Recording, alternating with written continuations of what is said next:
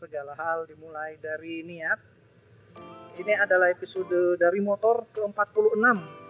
Udah lumayan banyak dan akhirnya ya bisa ngerekam lagi dari atas motor setelah dua episode kemarin, episode 4 dan 45 gua nggak bisa ngerekam dan hanya bisa ngerekam dari depan laptop gitu.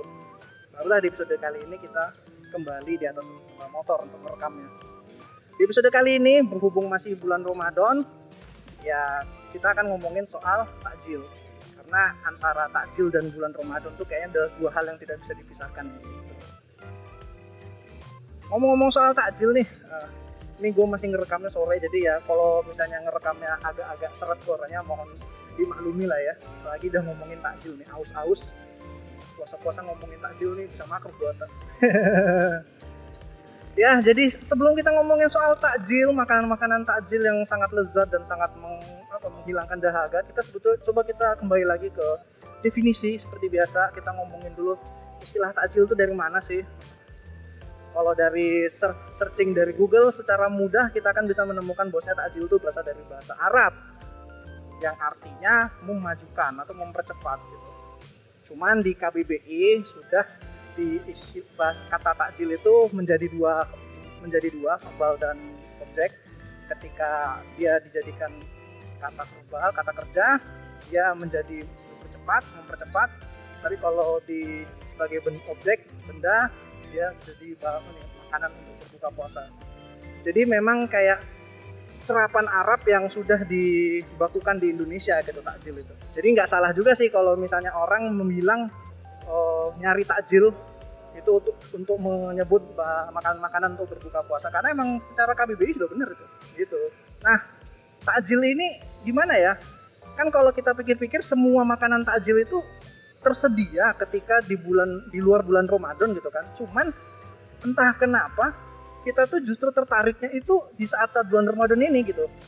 Contoh yang paling gampang adalah kayak uh, apa ya blewah es blewah gitu kan atau es blewah atau es kelapa muda gitu. Kayaknya kalau di bulan-bulan lain kayaknya yang namanya es kelapa muda itu ya udah lah ya sesekali minum nggak apa-apa gitu. Tapi kalau sudah yang namanya masuk bulan Ramadan dan dan es-es tadi sudah menjadi takjil rasanya tuh kayaknya harus kita beli harus kita konsumsi ketika berbuka puasa gitu kan. Kayak ada benda atau makanan atau minuman wajib lah yang harus kita minum dan sampai kepikiran sampai ada istilah kayaknya kurang inilah kurang berkah kalau misalnya nggak minum oh, makan takjil gitu. Sama seperti kurma juga kan kurma itu kan kalau di hari-hari lainnya juga dijual kan di warung di pasar gitu. Cuman ya ketika di bulan Ramadan inilah uh, konsumsi kurma tuh meningkat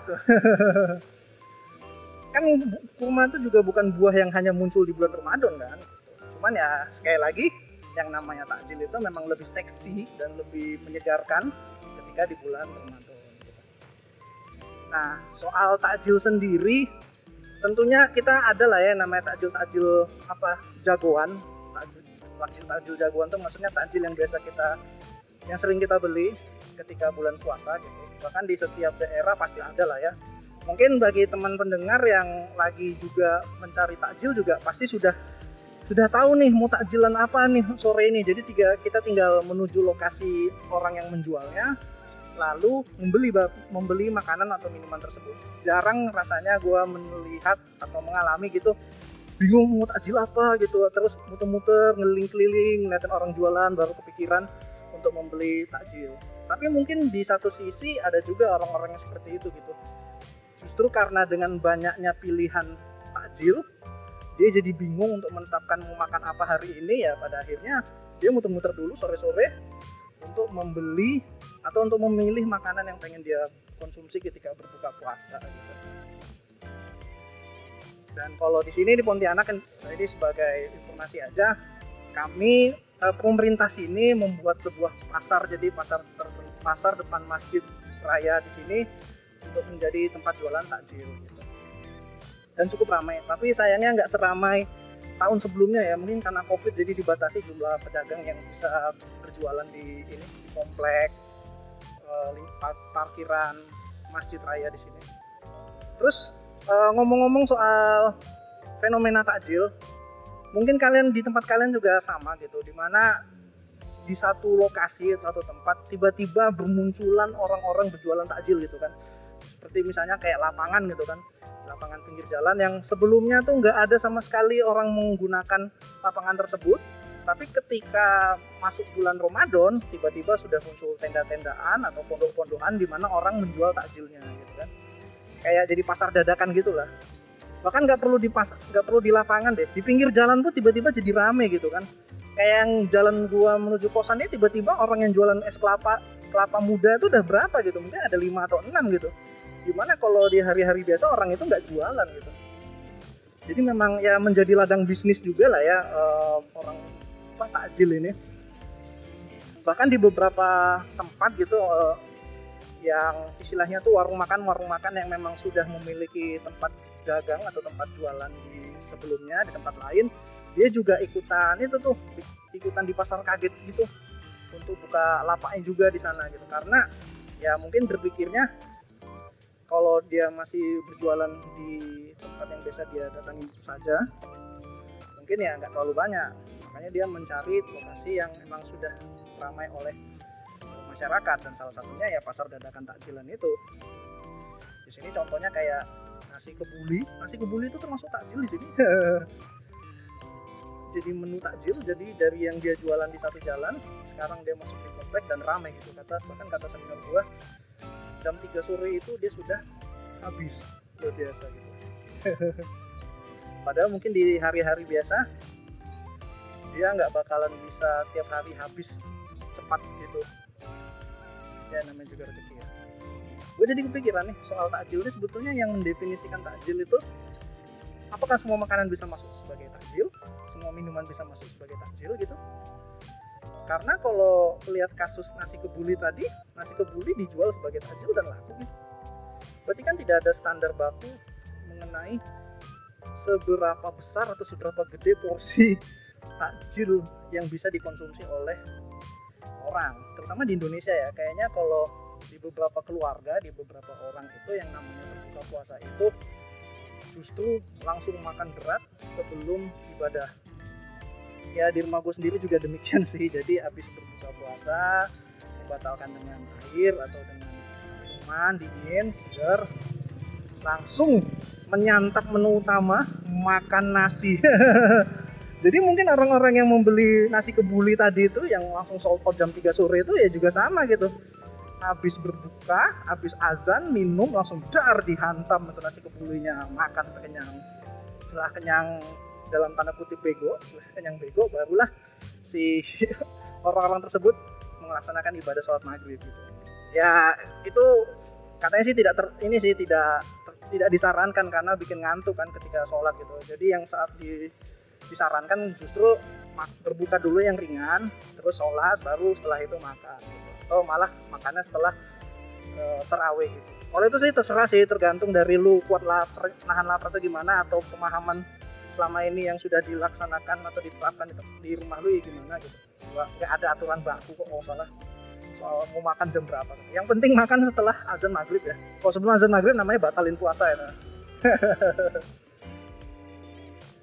nah kalau ngomongin soal takjil lagi nih mungkin beberapa uh, ada yang takjil khas ya mungkin ya kita ngomongin soal takjilan khas kalau di kota Pontianak ini ada makanan-makanan yang hanya muncul atau ramenya itu ketika bulan puasa gitu.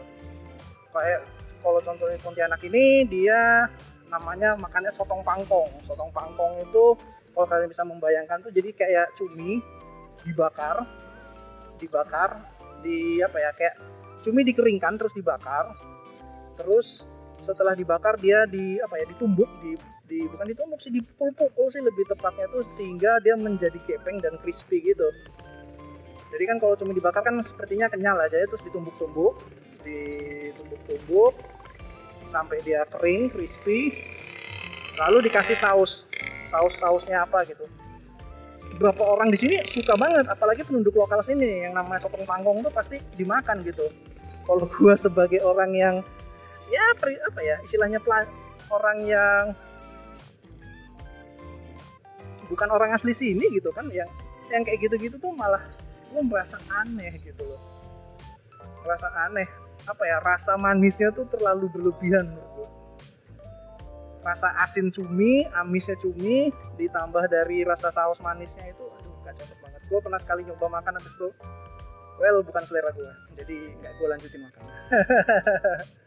lalu makan tajil di sini yang khas di kota Pontianak di Kalimantan Barat lah ya mungkin karena di beberapa kota juga sama gitu. Tajilnya adalah ayam bakar.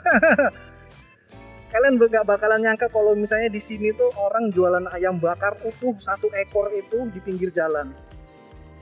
Dia bener-bener jualan seekor nggak bisa dulu dibeli paketan gitu nggak bisa beli setengah nggak bisa beli setengah apa sayapnya doang pahanya doang nggak. Jadi harus bener-bener beli satu ayam utuh itu untuk untuk dibeli dibawa pulang.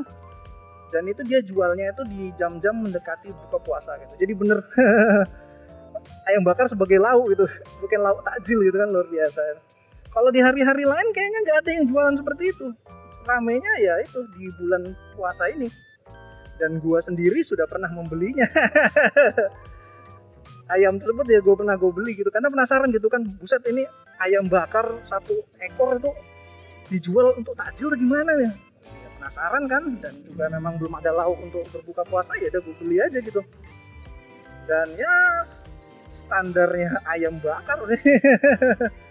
Nggak ada rasa-rasa apa ekstra apa, ekstra khas gitu nggak ada gitu. Jadi bener-bener ayam bakar ditambah saus kecap cabai rawit gitu-gitu saus lainnya untuk menemani kita makan ayam bakar gitu cuman karena belinya seekor ya dan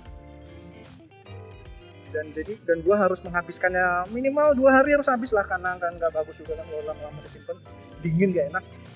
Jadinya ya begitu.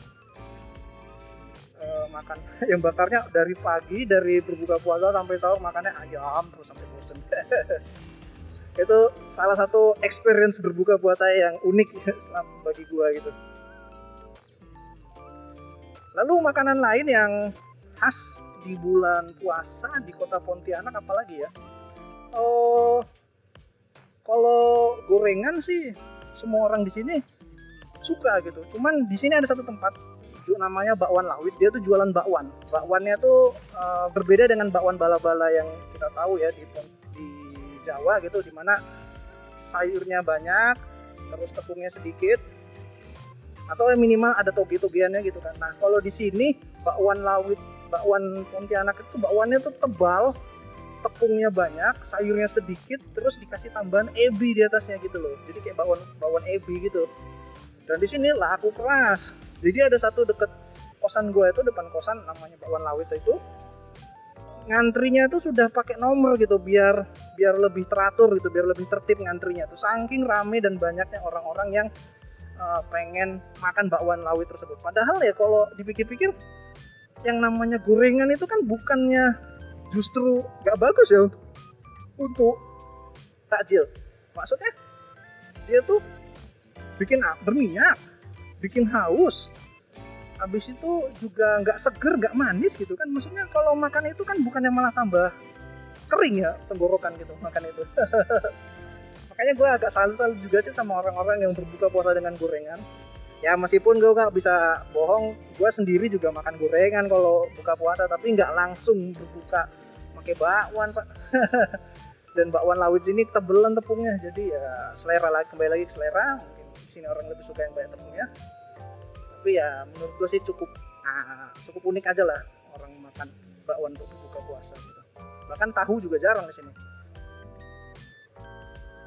Ya berbuka puasa takjil memang menjadi suatu apa ya semacam ritual lah ya semacam ritual yang dilaksanakan di hampir di, di seluruh Indonesia gitu.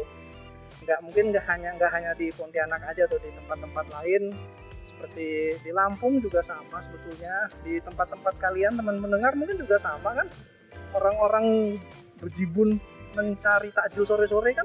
Sampai ada istilah PPT para pencari takjil itu kan sudah menjadi hal yang lumrah gitu. Bahwasanya memang berbuka puasa itu memang harus membeli takjil gitu. Jadi harus ada makanan yang kita beli uh, untuk membatalkan puasa kita nanti ketika azan maghrib gitu jadi nggak sekedar minum air putih aja gitu kan. Dan juga sekali lagi yang namanya takjil itu kan bisa menjadi ladang tambahan penghasilan gitu kan. Dari yang sebelumnya nggak jualan jadi jualan gitu. Dari yang sebelumnya hanya satu orang yang berjualan es kelapa jadi banyak berjualan es kelapa ya intinya sih kita saling berbagi lah. Mereka menjual makanan kita membayarnya. Ya seperti jasa gitu. Dan seperti definisinya juga takjil itu kan mempercepat. Jadi ya kita beli takjil tuh biar biar nanti kalau azan tuh nggak perlu nyari lagi gitu. Biar cepat buka puasanya. Langsung hop tinggal lep kalau kata sosis so nice jadi gimana? Di itu pengalaman takjil di Pontianak. Bagaimana dengan kalian teman pendengar di daerah kalian? Apakah juga ada hal yang sama? Ada makanan-makanan takjil unik atau takjil jagoan yang biasa sering kalian beli?